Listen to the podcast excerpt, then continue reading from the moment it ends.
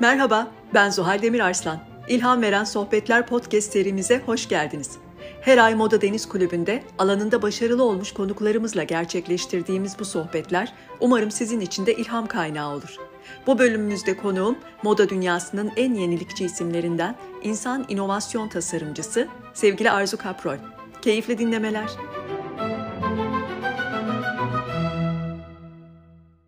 Bugün ilham veren sohbetler serimizde çok değerli bir konuğum var.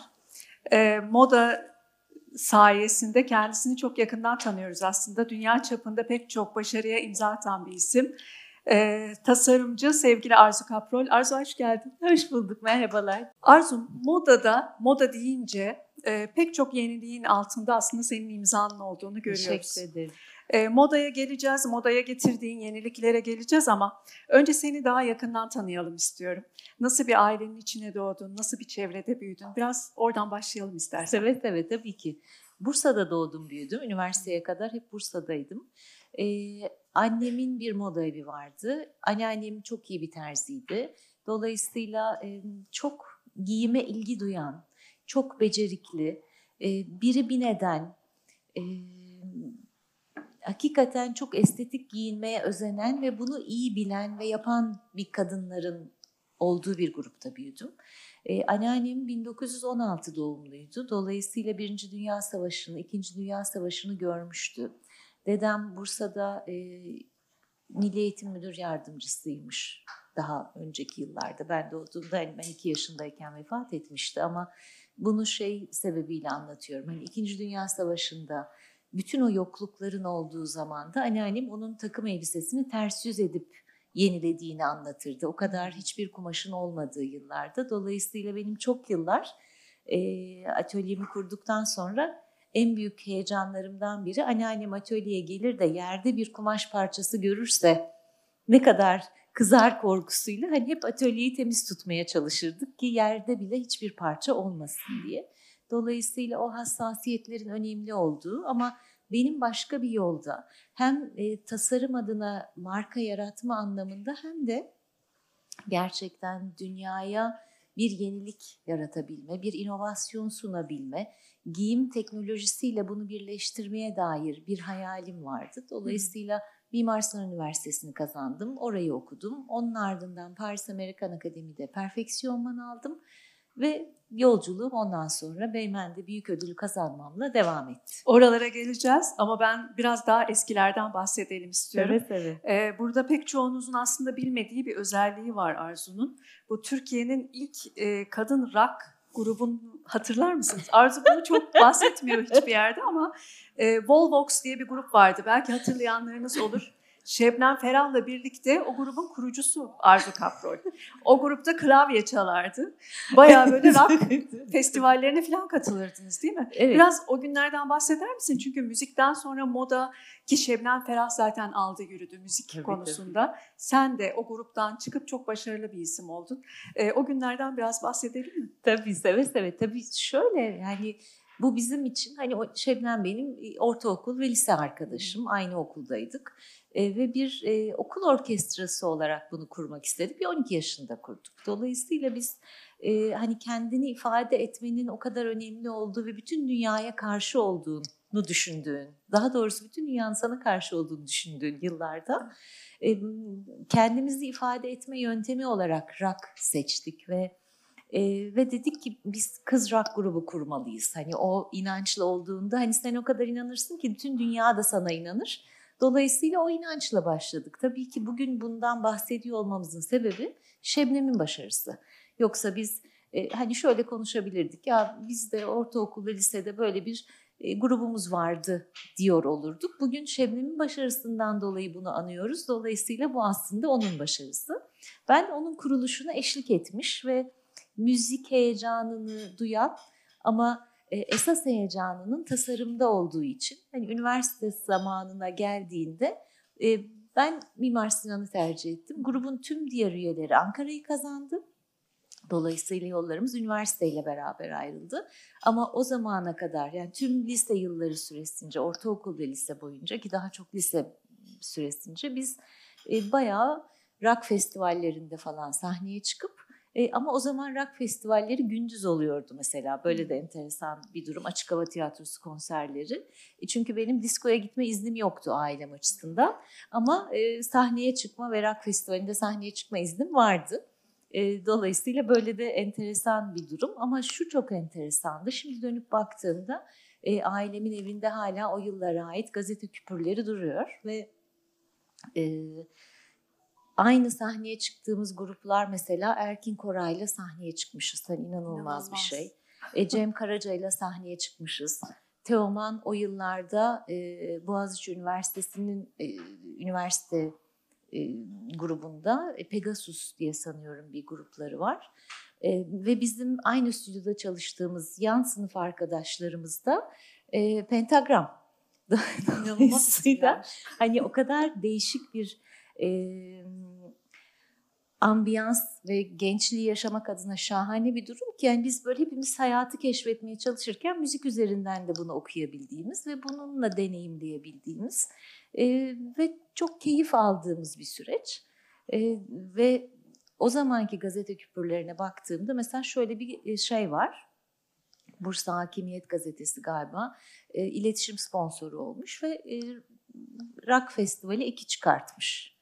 E, şöyle bir mesela bir tam sayfa e, pentagram üstte ve önünde böyle e, havada zincirin uçtuğu headbang yapan gençler var. İşte sağda bizim fotoğraflarımız, altta diğerleri, Cem Karaca falan var.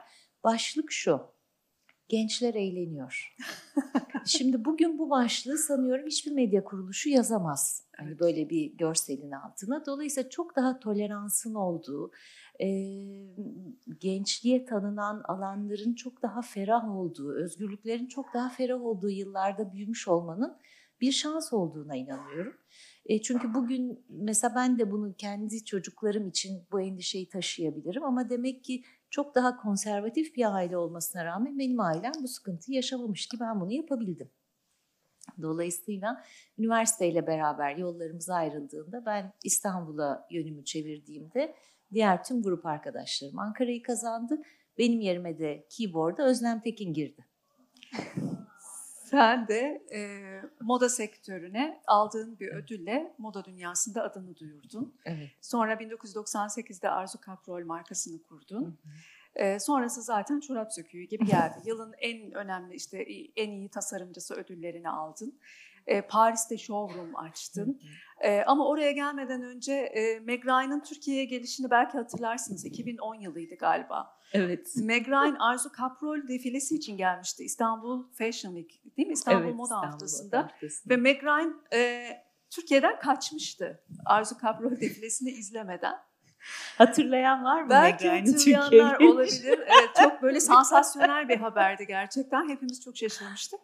Ee, işte o kaçtığında Arzu Kaprol Meg Ryan'ın yanındaydı. Ee, Meg Ryan'ın kaçması konu değil aslında ama o defileden sonra senin için Paris Moda Haftası yolu açıldı. Yani Hı hı. Paris Moda Haftası'ndan teklif geldi. Evet. O dönemi bir anlatır mısın? Ee, o kaçışı sende ne hissettirdi? Sonrasındaki o Paris Moda Haftası'na e, gidişin e, o dönemden biraz. Tabii, seve seve. Meg Ryan'ın e, kendini rahat hissetmemesi ve kalabalıktan rahatsız olması sebebiyle çadırın kesilip e, defileye izlemeden ayrılması hepimizde şok etkisi yarattı tabii Esra'cığımda. Yani. Ve e, tabii defileler her ne kadar çok şov bazlı görünmekle beraber aslında o markanın ya da o kuruluşun bir sonraki 6 aylık cirosunun temel iletişim görsellerini sağlar. Dolayısıyla e, sadece bir şov veya bir davet olmanın ötesinde ticari olarak da önemli bir e, bir e, bir ilişki zincirini başlatır. Dolayısıyla çok önemsediğimiz ve doğru tanıtım yapmaya da özen gösterdiğimiz organizasyonlardır bunlar. Dolayısıyla Meg Ryan geldi, gelmedi, kaçtı, basın geldi, davetliler nereye oturdu telaşesiyle biz e, defileyi tam e, anlayamadık ve tabii çok da üzgün bir Tabii. süreçte geçirdik. Çünkü çok büyük bir yatırım yapmıştık onun gelebilmesi için. E, ve bütün o yatırımlar o gelmeden ödenmişti. O gittiği için ve böyle bir sebeple gittiği için bunun iadesi de söz konusu değildi.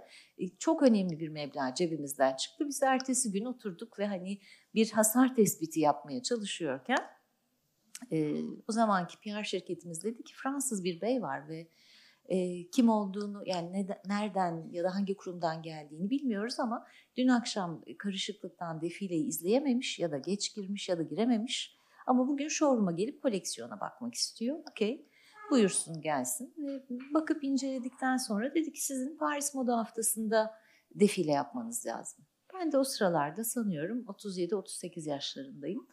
Ee, ve o zamana kadar şunu biliyorum hayatımda. Paris, yani dünyada e, üç önemli ya da dört diyebileceğimiz önemli moda haftası vardır. Paris, New York, Milano. Bir de Londra.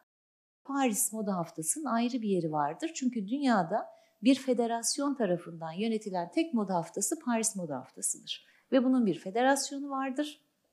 Federasyon dediğimiz zaman da aslında yani futbol federasyonundan da daha kuvvetli olabilecek bir yaklaşımı öngörebiliriz. Çünkü federasyon üyeleri e, Louis Vuitton, e, Christian Dior, Yves Saint Laurent, Jean-Paul Gaultier gibi şirketler tarafından federasyon üyelikleri temsil edilir.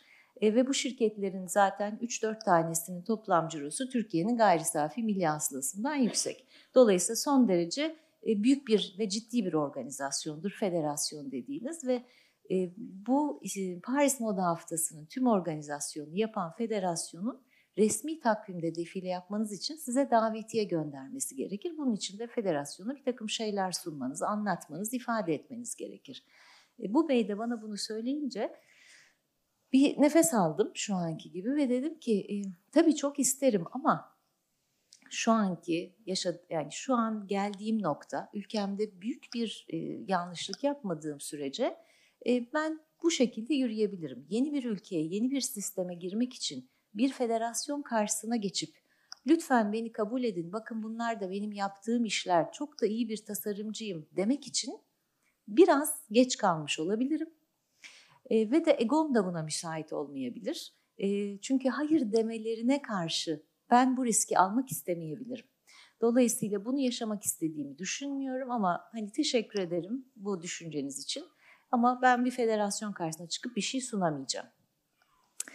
E, o da onun üzerine dedi ki ya benim kim olduğumu biliyor musunuz? Yani sizi anlıyorum bir, bir tasarımcı perspektifiyle e, bu hassasiyetinizi de anlıyorum ama biliyor musunuz ki ben de o yönetim kurulundakilerden biriyim. Jean-Paul Gaultier'in 30 yıllık CEO'su imiş bunu bana söyleyen. Ve dedi ki dilerseniz e, siz bana bütün bilgileri verin bu sunumu ben yapayım. Bu tabii çok baştan çıkarıcı bir teklifti. Dedim ki okey ama gene de ben e, size gerekli her şeyi ver, verebilirim, veririm ama bu görüşmenin, bu sunumun, bu federasyon toplantısının ne zaman olduğunu bilmek istemiyorum ve ben bütün bunları size verdikten sonra unutmayı tercih edeceğim ve bunu hatırlamayacağım. Böylece oldu mu, olmadı mı, olmadıysa neden olmadı duygularına girmeden kendimi daha güvenli bir yerde tutabilirim.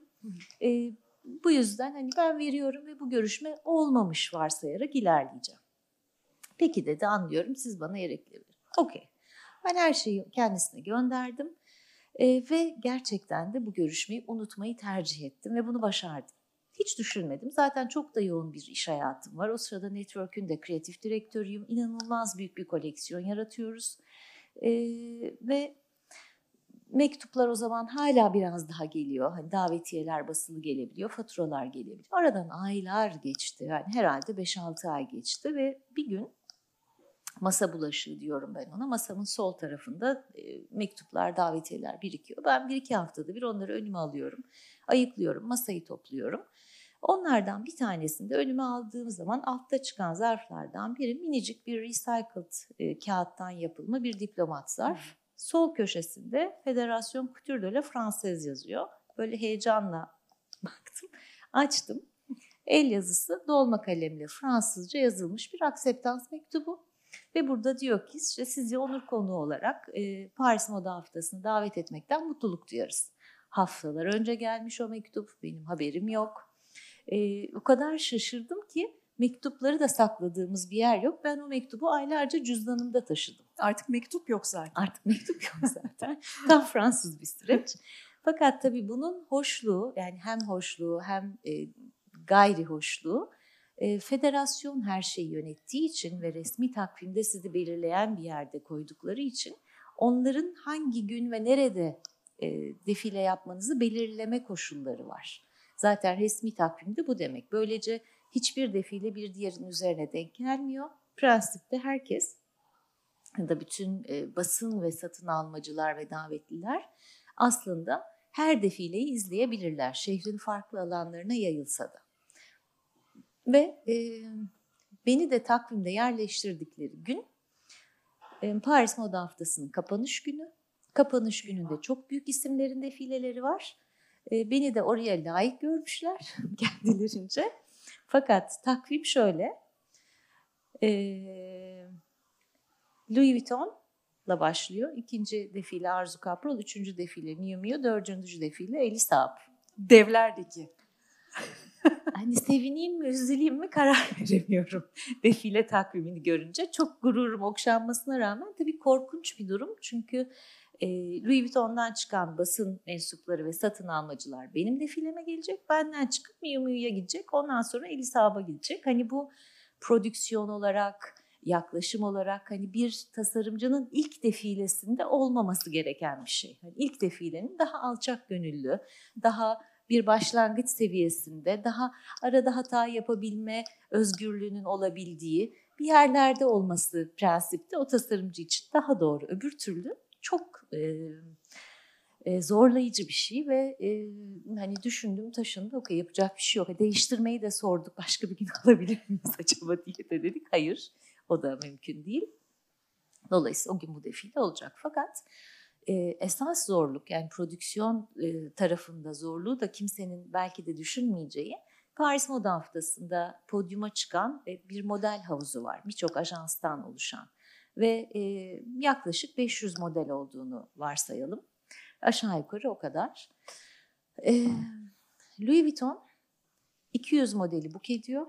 100 modelle finalize oluyor ve son gece o isimleri açıklıyor. Miu Miu da 200 modeli book ediyor. 100 tanesini gene son gece açıklıyor. Dolayısıyla 400 model kapalı. Yani benden önce ve benden sonraki mankenlerle çalışmamız mümkün değil hazırlıklardan dolayı.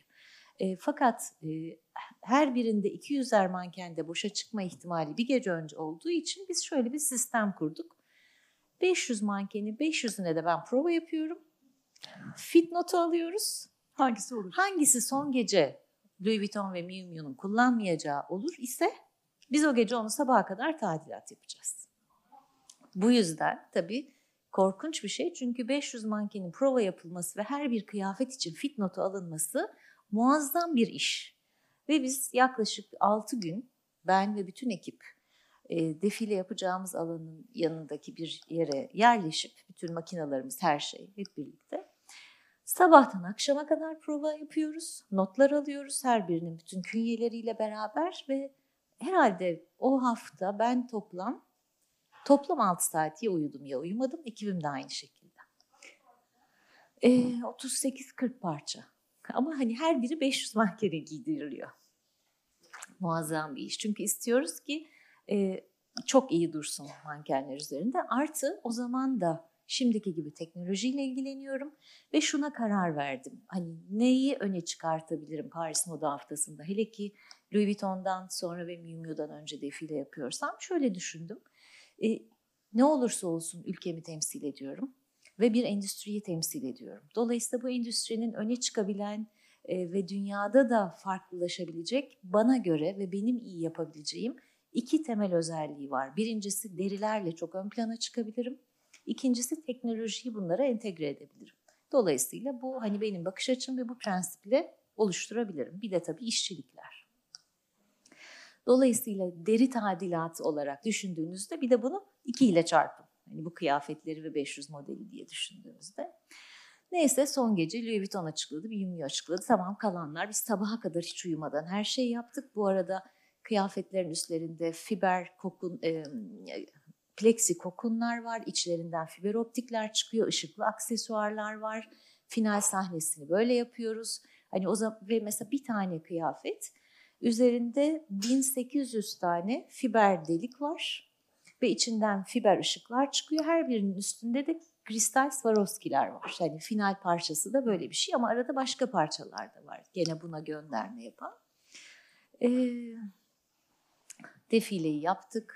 Ee, federasyon başkanı geldi, kulise geldi. Bize dediler ki aha federasyon başkanı hiç gelmezdi. Hele kulise geldiyse çok beğendi, şahane, harika. Biz bütün ekip diyoruz ki yaşasın çok yorulduk ama değdi.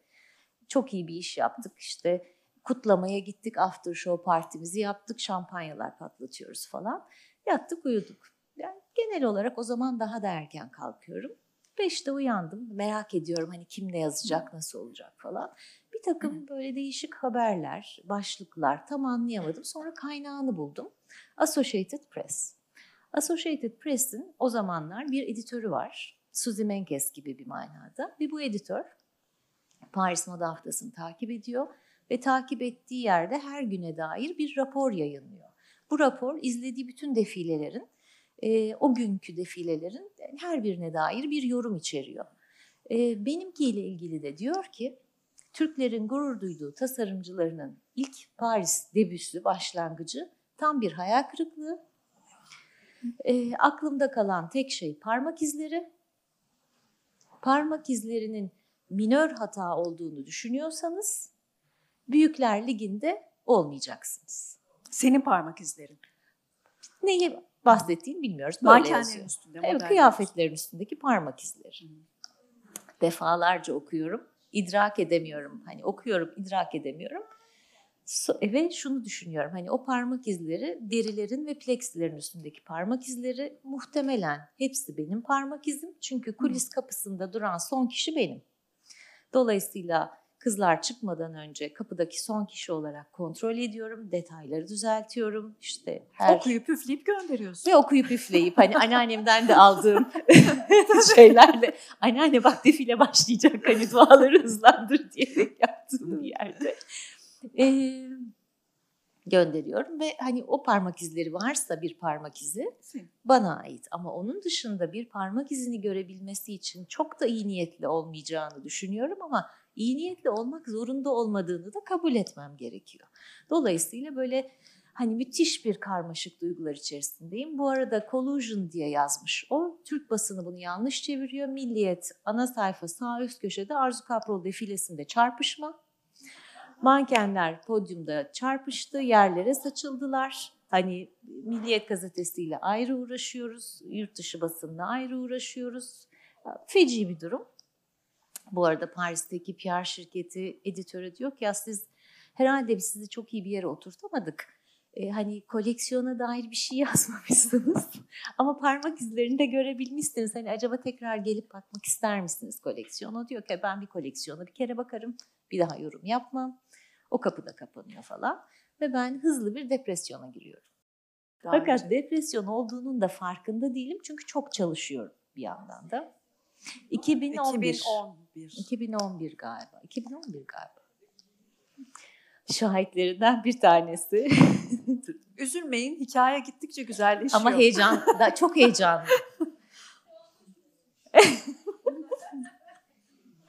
Ee, ve tabii bir yandan network'ün koleksiyonlarını yapıyorum. 700 parça tasarlanıyor. Q markasını yapıyorum. 300-400 parça tasarlanıyor. Arzu Kaprol markası 200-250 parça. Hani müthiş bir organizasyon ve bu tabii ki e, oldukça da önemli bir iş. Dolayısıyla e, hani Boyner Holding'e karşı bir sorumluluğum var, kendi markama karşı sorumluluğum var, kendime karşı sorumluluğum var. Fakat içim içimi yiyor çünkü e, çok büyük bir yatırım yaptık. Bu süreci yaparak Paris Moda Haftası'nda defile yapmak çok ciddi bir yatırım ve bunu hakkıyla yapmadığımı, hakkıyla özenmediğimi ve dolayısıyla buna da layık olmadığımı düşünüyorum içeriden. Ve tabii bu beni mahvediyor. Ee, hani nasıl böyle bir hata yapabilirim? Yani kendimi mikro cerrahi uyguluyorum tamamen. Ee, ve hani her günüm çok kötü geçiyor. Tasarımda yapamıyorum. Hani ekibi yönetiyorum ama oturup bir şeyi kendim çizmekte çok büyük zorluk yaşıyorum o süreçte. Ee, aradan iki ay falan geçti. Bir de tasarım alanlarında dostlarım daha iyi bilir ama e, kimi e, yaratıcı zihinler farklı şeylerden beslenebilirsiniz. Mesela üzüntüden beslenebilirsiniz. Bir sizi zorlayan başka bir süreçten beslenebilirsiniz. Farklı beslenme alanları vardır. Kimi zaman bunu fark edersiniz, kimi zaman bu bir alışkanlıktır fark etmezsiniz. Ama ben daha keyifle yaşamak sırasında üretmeyi seçen ve seven birisiyim.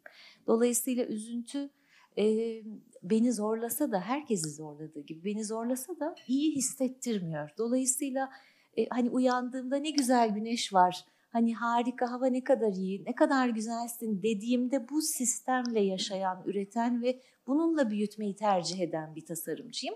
Dolayısıyla üzüntü ve kendi kendini böyle mikro cerrahi yapmak bana hiç iyi gelmiyor. İki ayın sonunda bir sabah uyandım ve dedim ki yeter. Kafamı kızdırmasınlar bir sonrakine ayak izlerime basarım deyip ofise gittim. Parmak izlerimi taradık ve biz bir desen yaptık. Bu yaptığımız deseni tabii bir sonraki sezon e, gene Paris Moda Haftası'nın hoşluğu şu. Sizi bir kere kabul ettikten sonra siz çıkıyorum diyene kadar sizi içeride tutuyor. Ve bir sonraki Paris Moda Haftası'na e, göstereceğimiz koleksiyona biz içinde benim parmak izlerimin de olduğu koleksiyonla defileyi planladık. Ve koleksiyon da bu şekilde.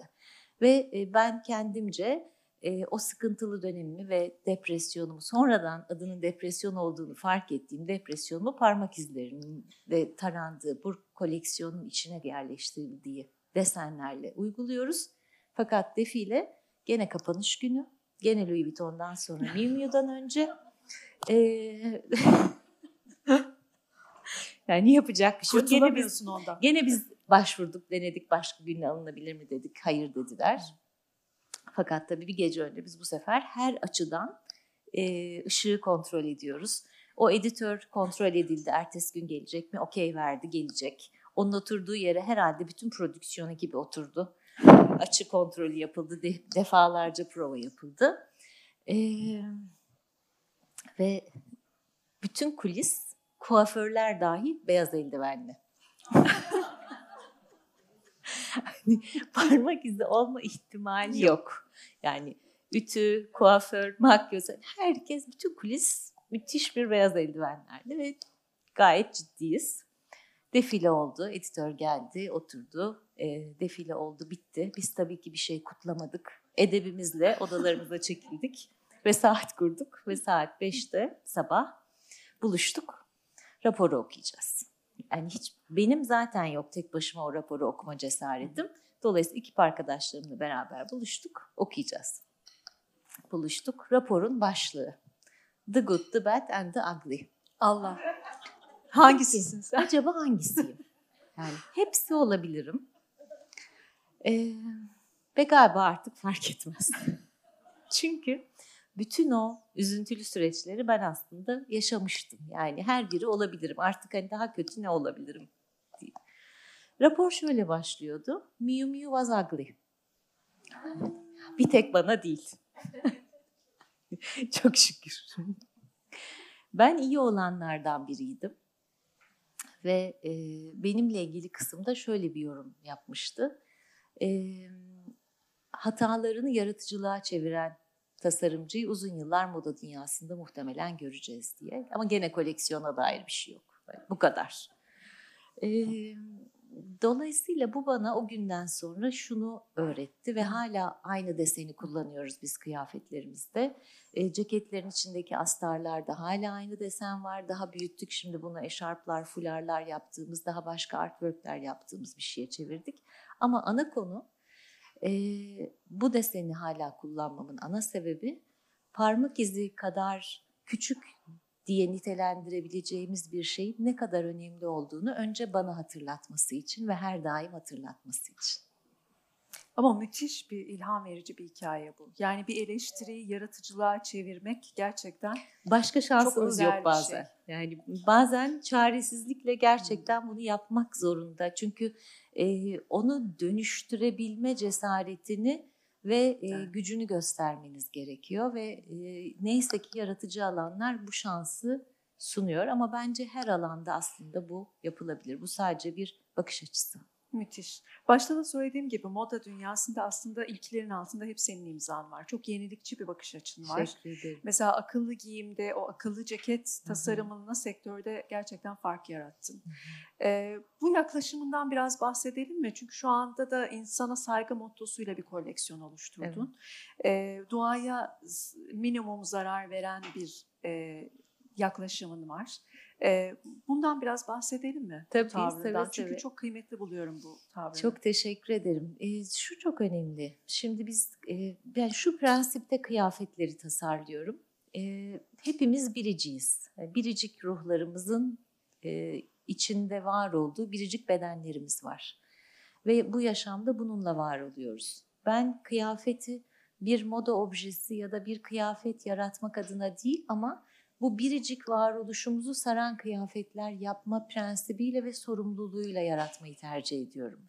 Ve bunu yaparken de yaşamda bir arada var olduğumuz her canlı ve bence canlı demediğimiz ama canlı olduğunu hani dağ da canlı, toprak da canlı, nehir de canlı, e, kayalar da canlı. Her birine saygı prensibi üzerine bu yaşamda varız. E, dolayısıyla bu süreç içerisinde dağa, taşa, toprağa, canlıya, hayvana, bitkiye, e, hepsine ve insana doğru bir ilişki mekanizmasında kıyafetleri kurmayı önemsiyorum ve giydiğimiz kıyafetlerin de tabii ki estetik olarak bize yakışması ve bize en iyi şekilde bu yaşamda eşlik etmesi önemli. Ama bunun dışında bu bir doğal bir malzeme ise örneğin bizim prensibimizi anlatabilirim. E, pamuklu tişört yapıyorsak bunu aldığımız hani aa pamuklu kumaş e, demek yeterli değil. Nereden geliyor bu pamuk? Hangi pamuğu kullanıyorsun? Benim prensip tercihim örneğin Ege pamuğu kullanmak. Ve küçücük bir e, organizasyonuz biz. Yani iki mağazamız, 5-10 tane yerde satış noktamız ve küçücük adetlerimiz var. Çok özel üretiyoruz. Hala çok küçük adetlerde üretiyoruz ama onu yaparken dahi bu prensipte e, isteyebiliyoruz. Yani biz pamuk alacağız ve çok az alacağız ama bu Ege pamuğu olsun dediğimizde şunu desteklemiş oluyoruz. Bir lokal olması, iki minimum seyahat etmesi. Yani daha ucuz diye Amerika'dan gelen bir pamuğu sübvansiyonlara rağmen kullanmıyoruz. Ee, Dolayısıyla bu minimum karbon ayak izi üretmiş oluyor ama bir yandan da oradaki üreticiyi yani lokal üreticiyi destekliyor. Küçücük bile olsak. Çünkü bu belki bizim bunu yaptığımızı duyan çok büyük bir üreticiye ilham verme ihtimali var. Ya da oradaki küçük üreticiyi yüreklendirme ihtimali var. O yüzden çok önemsiyorum bunu. Oradan aldık bunun dikim sistemlerini. Çok ucuz diye işte e, öncelikli bölgelerde e, ürettirmiyoruz da daha yakın planda, yakın ilişkide olduğumuz ve yine o ölçeklerle bir arada durabildiğimiz üreticilerde yaptırmayı tercih ediyoruz. E, bunun üzerine kullanılan e, aksesuar ya da işlemeleri de gene kadın örgütleriyle organize edilmiş yerlerde kullanıyoruz. Bu örneğin bir doğal e, ham madde tercihinde yapabileceğimiz bir şey. Doğal olmayan bir ham maddeyi kullandığımız zaman da bunun doğal kaynaklara olan etkisini kontrol etmeye çalışıyoruz. Ve e, mesela recycled dediğimiz malzemeler var ama bunun recycled olması da yeterli değil. Çünkü recyclable da olması gerekiyor. Dolayısıyla hem geri dönüştürülebilir hem de geri dönüş yani dönüşmüş hem de geri dönüştürülebilir olması lazım gibi aslında sadece bir sistem tasarımı yapıyoruz. Hı. Çünkü bir e, bana göre giysi tasarımı bir kıyafet tasarlamak değildir. O bir sistem tasarımıdır. Sistem tasarımı da kendi içinde e, malzemesini neyle seçtiğini, onun hangi süreçlerden ilerlediğini, ürün ömrünü ki bunu ayrıca konuşmak isteyeceğim. Ama ürün ömrünü tamamladıktan sonra da o ürüne ne olacağını düşünmeyi gerektirir. Evet. Oysa ki biz e, pek çok tasarım alanında ama özellikle tekstil ve moda alanında bu döngüsel tasarım sistemini hiç öğretmiyoruz ve hiç konuşmuyoruz. Bunların çok konuşulması gerektiğine inanıyorum. Bundan sanıyorum 12 yıl önce İTÜ ve e, Şişli Belediyesi ile bir proje önermiştik. TÜBİTAK. E, o zaman günlük tekstil çöpü, gömülen günlük tekstil çöpü 8 tondu. Şu anda sadece Zeytinburnu Belediyesi'nin e, gömülen tekstil ve deri atıkları 20 tonların üzerinde. Bunların hepsi yeraltı sularına karışıyor, doğaya karışıyor. Hani bunlar yok olmuyor. Dolayısıyla daha nitelikli ve uzun ilişkiler kurabileceğimiz kıyafet sistemlerine dönmemiz lazım. E, bunu da çok önemsiyorum. O yüzden yaptığım mesleğimi artık hani moda tasarımcısı diyemiyoruz.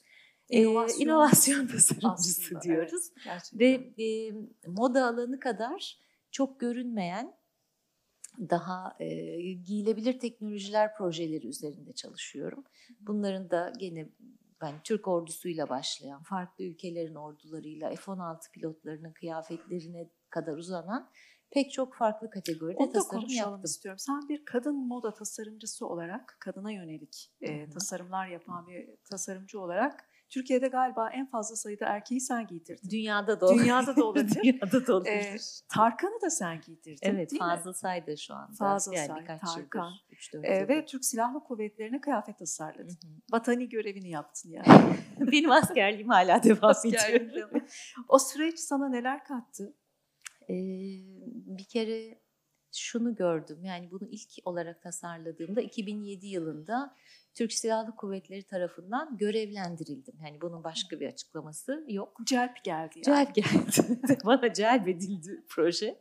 Ve o günden bugüne Türk Silahlı Kuvvetleri ile ne direkt ne endirekt ne dolaylı ne bir başka şirket üzerinden 1 lira kazanmadım. Tamamen hepsini gönüllülük esasıyla yaptım. Ee, ve e, ve ana fikir de şuydu. e, hakikaten çok merak ediyordum. Yani teknolojik tasarım yapabilmeye dair o kadar heyecan içerisindeydim ki zaten böyle bir şey sen teklif dahi edemezdim. Ama Türk Silahlı Kuvvetleri'ne ürün satmak isteyen dünyada ne kadar teknoloji şirketi varsa beni eğitti.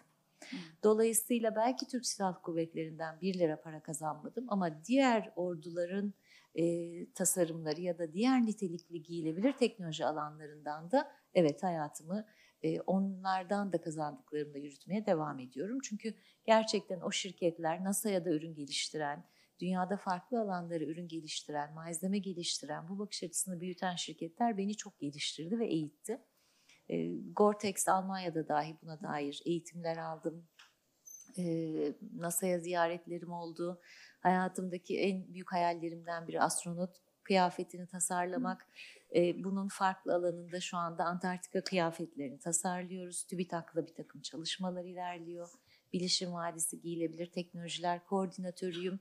Dolayısıyla bilinen hani moda ve popüler alan kadar giyilebilir teknolojiler alanında da aktif olarak çalışıyorum ve tabii çok inanıyorum. Yani daha az kıyafet, daha nitelikli kıyafet, mevsimsel olarak e, bize fayda sağlayan kıyafetler, vücut datamızı takip eden, bize iyi gelen, oksijen seviyemizi ölçen ya da cildimize iyi gelen gibi kıyafetleri yapmayı çok önemsiyorum. Moda alanımızda da örneğin şu an mağazalarımızda olan basic tişörtlerimiz saf kolajen. E, deniz yosunundan yapılıyor gibi şeyleri yaşamın içerisine koyabilmenin yollarını bir yandan da yapmaya özen gösteriyoruz. Peki Arzu, e, bir kıyafet tasarımcısı olarak, e, tamam kıyafet tasarlıyorsun ama e, kendi içsel tasarımın için nelerden besleniyorsun? Ben bunu da merak ediyorum. Her şeyden. Ee, tüm yaratıcı alanlarda gerçekten e, bana göre yeteneğin e, çizim yapma becerisiyle bir ilişkisi yok. Hı hı. E, bilmiyorum dostlarım katılır mı ama e, bana göre çizim yapmak bir kas becerisi ve bu yaptıkça geliştirilebilir bir şey. Ama hayal etmek bir yetenektir. Ya, ve o ya vardır ya yoktur. E, bizim okullarda öğrendiğimiz şey hayal ettiğimizi nasıl en doğru ifade edebilmenin yolunu öğreniriz. Yani biz bir teknik eğitim alırız ve e, hayal gücünü besleyen bir takım malzemeleri, renk bilgilerini yani pratik yaparız. Ama hayal etmek bir yetenektir ve e, o gerçekten ya vardır ya yoktur. E, ama çizim yapabilirsin, yapamayabilirsin, iyi çizersin, kötü çizersin. En azından kendi alanım için bunu rahatlıkla söyleyebilirim. Ve e, tüm bunlar oluyorken e, çoğu zaman beceriniz bunu yapma haliniz ya da ifade etme haliniz gibi görünse de aslında insanın varoluşu gibi ruh, beden, zihin üçlemesiyle insanın varoluşu var. Dolayısıyla bedeninizde evet iyi bakacaksınız. E, zihninize iyi bakacaksınız ama bir de ruhsal varoluşunuza iyi bakacaksınız. Dolayısıyla özellikle yaratıcı alanlar kendi duygusal e, salınımlarınızı e, fark edebilmeyi, nerelerden geçebildiğinizi ya da dayanıklılığınızı ya da tüm o süreç içerisinde size neler olmakta olduğunu fark edebilmeyi bence her insan için e, ama yaratıcı alanlarda bununla çok direkt bir ilişki içerisinde olduğunuz için de buna da iyi bakmayı gerektirir. O yüzden e, hani bir e, atlet dayanıklılığında ruh beden zihin üçlemesine sahip olmanız gerektiğini düşünüyorum tüm yaratıcı alanlar için. Ben kıyafetlerin böyle üzerimize geçirdiğimiz şeyler olduğunu düşünmüyorum yalnızca. Ee, yani zamanın ruhunu da yansıtan e, şeyler olduğunu Çok düşünüyorum. doğru. Evet, ne kadar Sence güzel bu söyledin. zamanın ruhu nasıl ve bu zamanın ruhu senin tasarımlarına nasıl yansıyor? Zaten zamanın ruhu her şeyi ifade eder. Hı. Çünkü e, bir şeyi eğer biz görüyorsak yani görünür haldeyse o zamanın ruhuna ait olduğu içindir. E, yoksa herkes çok farklı, çok başka tasarımlar ya da yaratıcı objeler ya da ürünler ya da sanatlar yapabilir ama e, yaratıcı zihinler e, topluma gelmekte olanı antenleri biraz daha yukarıda olduğu için daha önceden hissedip onu kendi ifade diliyle yorumlayıp e, mesleki olarak ifade eden kişilerdir. E, bir ressam belki onu resim kanalıyla anlatıyor. E, bir farklı alanlardaki tasarımlarda ve moda tasarımı da giyim olarak anlatıyor.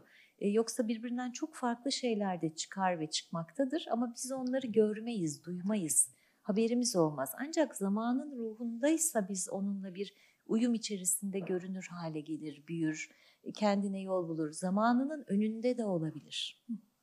Ve o yüzden e, ondan çok daha sonra o devrin de bittiği ve başka bir devrin başladığı zaman ne kadar erken hissetmiş diyebiliriz.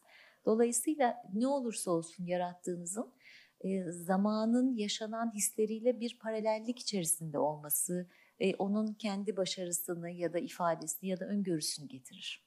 Mutlaka o zaman ilişkisi çok e, çok dengeli, çok netlik içerisinde olan bir ilişkidir. Hı. Ve bunun Peki. pek çok örnekleri var tabii yaşamda. Çok doğru. Son bir soru sorup hemen izleyicilerden sonra alacağım. Ee, sence hangi dönem modada altın çağ? Mesela 1950'ler, 60'lar, 60'lar mı? 60'lar. Yüzde yüz 60'lar. Hemfikiriz. Evet. Yüzde yüz 60'lar bir kere muazzam özgürlükçü bir, bir dönem. E, hala o günkü kadar e, özgür değiliz giyim kodları olarak. Çünkü düşünsenize şöyle bir dönem e, uzaya gidilmiş. İnsanların muazzam bir e, inancı var. Yani dünya dışına çıkabilmeye dair müthiş bir ivme kazanılmış. E, Vietnam Savaşı bitmiş, e, çiçek çocuklar var ya da savaş devam ediyor. E, gençlik kendini ifade dili bulmuş. E, toplumsal etkiler, dünya yani kıtalar arasında birbirini etkiler hale gelmiş. Sistemler açılıyor. Dolayısıyla müthiş bir özgürlük alanı. Hiçbir şekilde o zamanki kadar özgür değiliz. Evet. Evet, Buyurun. ben ilk soruyu sormak istiyorum. Ee, gerek dizi sektöründe, gerekse dergi sektöründe aslında dayatılmış bir güzel kadın ölçüleri var. Mükemmel beden ölçüleri var. Ve aslına bakarsan baktığımız zaman da herkes bu mükemmel beden ölçülerine sahip değil ve her tasarımcının o mükemmel kıyafetlerini herkes giyemeyebilir. Fakat Arzu Kaprol'ün tasarımlarında hangi kadın ölçüleri ve ne gibi kadınlar bu güzel kıyafetlerden faydalanabilir? çok teşekkür ederim. Bir kere şu çok önemlidir ve ben bunu çok önemsiyorum.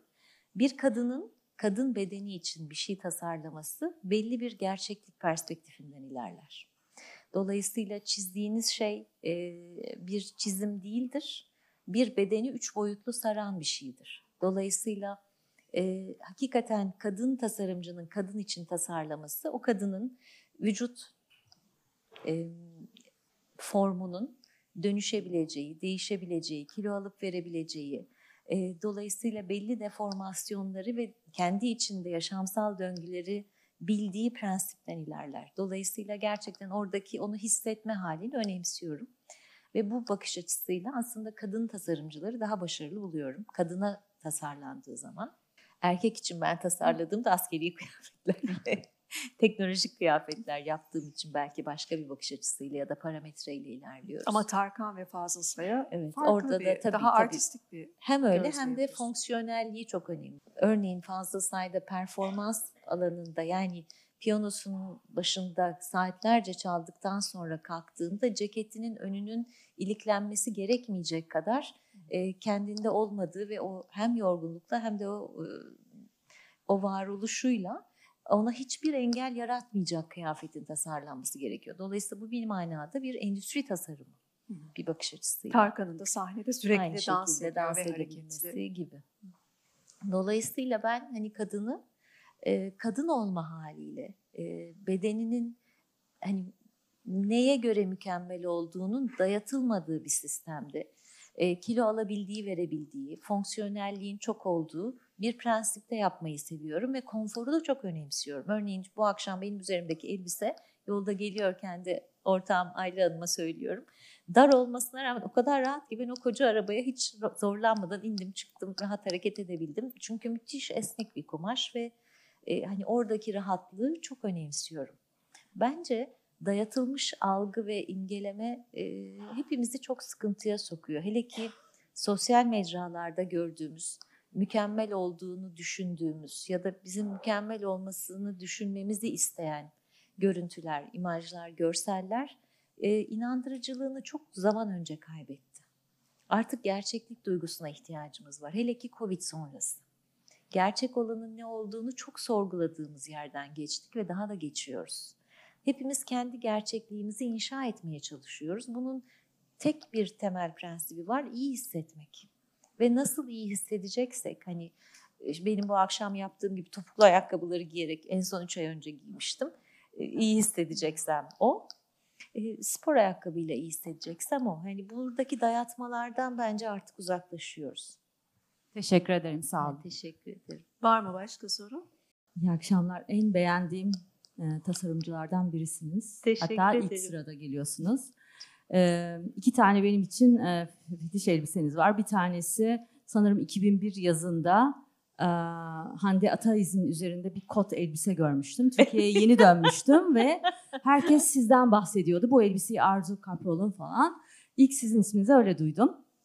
Diğeri de e, Simay Dinç'in e, İngiltere'de ödül aldığı elbise. Hmm. O elbisenin aynısını satılıyorsa alacağım. E, öyle diyeyim. Kendisi söyledi sizden olduğunu. Sorum şu. E, Le 19M diye bir proje başlattı Chanel. E, Paris'te büyük bir kampüste 600 kadar e, el sanatları tasarım markasını bir araya getirdi. İşte Hiç bilmiyorum. e, Montex bunlardan biri, bir, birkaç Le Sage, e, birkaç önemli marka. Bunlar e, işte boncuk işi, şapka, e, deri, düğme tasarımları, aklınıza gelecek bütün markalar. Sadece Chanel'le çalışmıyorlar. Dünyanın bütün markalarıyla çalışıyorlar. Şimdi sorum şu, e, teknolojiye ilgi duyduğunuz kadar bizim e, ipek dokumacılığı ve bilmum e, el sanatlarına tasarımlarınızda yer verecek kadar ilgi duydunuz mu? Hiç böyle bir line düşündünüz mü? Örnek Vakko Emily in Paris geçen sene lanse ettikleri e, Ee, biz koleksiyon. bir- sırf bir line'ı böyle yapıyoruz. Bir koleksiyonumuzun tamamı, bir line tamamen bu. İsmi K by Kaprol ve bizim beachwear e, yaz koleksiyonlarımız. Yaklaşık 4 yıldır bunu yapıyoruz. E, ana prensibi tamamen Türkiye'de ve e, hem organik hem de elde dokunmuş kumaşlar. Elde dokunmuşları şöyle söyleyebilirim. Örneğin Fethiye Belediyesi bir coğrafi işaret belgesi de aldığı bir kumaşı belediye dokuma tezgahlarında bizim için dokuyor. Bir kadın kooperatifi kurmuşlar. Kutniya ve Antep bölgesindeki diğer pek çok kumaşçı ve üreticiden birebir onları alıyoruz. Trabzon'da bu yapılan bunların kullanıldığı kıyafetlerin kemerleri Trabzon'un dağlarında dokunuyor. Gene kadın sanatçılar tarafından, zanaatkarlar tarafından. Ee, el işlemeleri çatomlarda üretiliyor. Ee, Muğla bölgesinde yine yaptırdığımız kadınlar var. Ama tamamen el ve Anadolu coğrafyasından çıkan ve Anadolu'da üretilen bir koleksiyon bu. E, bunun da aynı zamanda sürdürülebilirlik belgeleri dışarısında sosyal sürdürülebilirlik kapsamında geçiyor ve bu tamamen ayrı bir etiketle ayrı bir ürün grubu olarak yapılıyor. Hatta e, ilham kaynakları da tamamen bunun üzerine. Örneğin Ankara'daki Anadolu Medeniyetleri Müzesi bu koleksiyonun ilk çıkış noktalarından bir tanesiydi. Orada gördüğümüz böyle minicik bir kemerin üzerinde yer alan semboller bizim kendimize ait yaptığımız bir desenle tahta kalıplarla Tokat'ta basılıyor. Bütün koleksiyon bunun üstüne kurulu. Çok başarılısınız. Estağfurullah. Teşekkür ederim. Kendinize karşı da çok mütevazisiniz. Peki hizmet verdiğiniz insanlara karşı tevazu içinde misiniz? Onların beklentilerine mi cevap veriyorsunuz yoksa sizin onları gördüğünüze mi dizayn etmeye çalışıyorsunuz? Çok e, hoş bir soru ama şuna inanıyorum. Hepsi bir denge yaşamda. Ve e, sanıyorum bu yani benim tarzım dışında bir şey isteyen hiç müşterim olmadı hayatımda. Ya çok şanslıydım e, ve benimle çalışmaya gelen e, müşterilerim, dostlarım diyeceğim. Çünkü zaman içinde hep öyle oldu. Gerçekten çok şanslıydım. E, hep o tarzda, e, yani o tarzın dışında kimse bir şey istemedi. Ben de yapmadım, yapmam da gerekmedi. Ya onlar bana gelmedi ya ben o hizmeti veremedim. Belki o manada başarısız oldum hani herkese ulaşmaya dair ama gerçekten böyle bir çatışma ya sebep olabilecek bir yaklaşımı hiç yaşamadım hayatımda. Dolayısıyla bir şekilde e, o kendiliğinden gelişen ve o dengesini bulan bir süreç oldu diye düşünüyorum. Benim de bir sorum var. Arzu Hanım. Ee, merhabalar. Merhabalar. Arzu Kaprol olarak e, dünyada isim yapmış, e, rüştünü ispat etmiş, çok başarılı bir Türk iş kadını olarak da e, isminizi artık gerekli yerlere getirdiniz. Bundan sonra hayallerinizde, hedeflerinizde ne var? Durumunuzdan tatmin misiniz? Ben Arzu Kaprol'ün iç dünyasında ve ruhunda başarısının daha nerelere gideceğini merak ediyorum. Kafanızdakileri merak ediyorum. ne kadar ne kadar e, özel bir soru. Teşekkür ederim. E, bir kere başarı çok göreceli bir şey. Dolayısıyla başarılı mıyım bilmiyorum. Ama başarı e, e, hani bana göre başarı işinizin boyutu ne olursa olsun huzurla yatağınıza girebilmek ve uyandığınızda umutla güne başlamak. Hani yaşamda edinilebilecek bence en büyük başarı bu. E, sahip olduklarınızdan memnun olabilmek. Boyutunun hiçbir önemi yok gerçekten o. Ya da bir sonraki aşaması belki bir fayda sağlayabilmek. E, bir yol açabilmek, bütüne hizmet edebilmek. E, yaptığınız her ne ise onunla sisteme, bütüne, gruba, devlete yani yaşama fayda sağlayabilmek. Hem geri dönüşüme hem de gençliğe ilham verebilmek ya da bir yol açabilmek. Ee, ve bunda da gerçekten hani istisnasız hepimizin en büyük rol modeli Atatürk. Hani yoktan var ettiği bir ülke var ortada. Ve hepimiz burada onun sayesinde yaşıyoruz. Dolayısıyla e, hani onun açtığı yolda bir küçücük adımlar yapıp her neye fayda sağlayabilirsek, bir çocuğa dokunabilirsek, bir gence ilham verebilirsek, bir hayali destekleyebilirsek ya da bir sektöre fayda sağlayabilirsek ya da kendi çocuğumuza fayda sağlayabilirsek ya da kediye iyi davranabilirsek yani bunların her biri kendi içinde çok büyük şeyler. Hiçbiri bir diğerinden daha e, büyük, daha başarılı ya da daha faydalı anlamında değil. Dolayısıyla sanıyorum şunu söyleyebilirim. E, aralarında bir fark olmadığını anlayacak kadar çok şey kazandım ve kaybettim hayatta. E, ve ana fikir gerçekten hani uyuduğunuzda, uyandığınızda, yaşama bakabildiğinizde o yaşamı hakkıyla yaşayabildiğinizi hissedebilmek. Bence.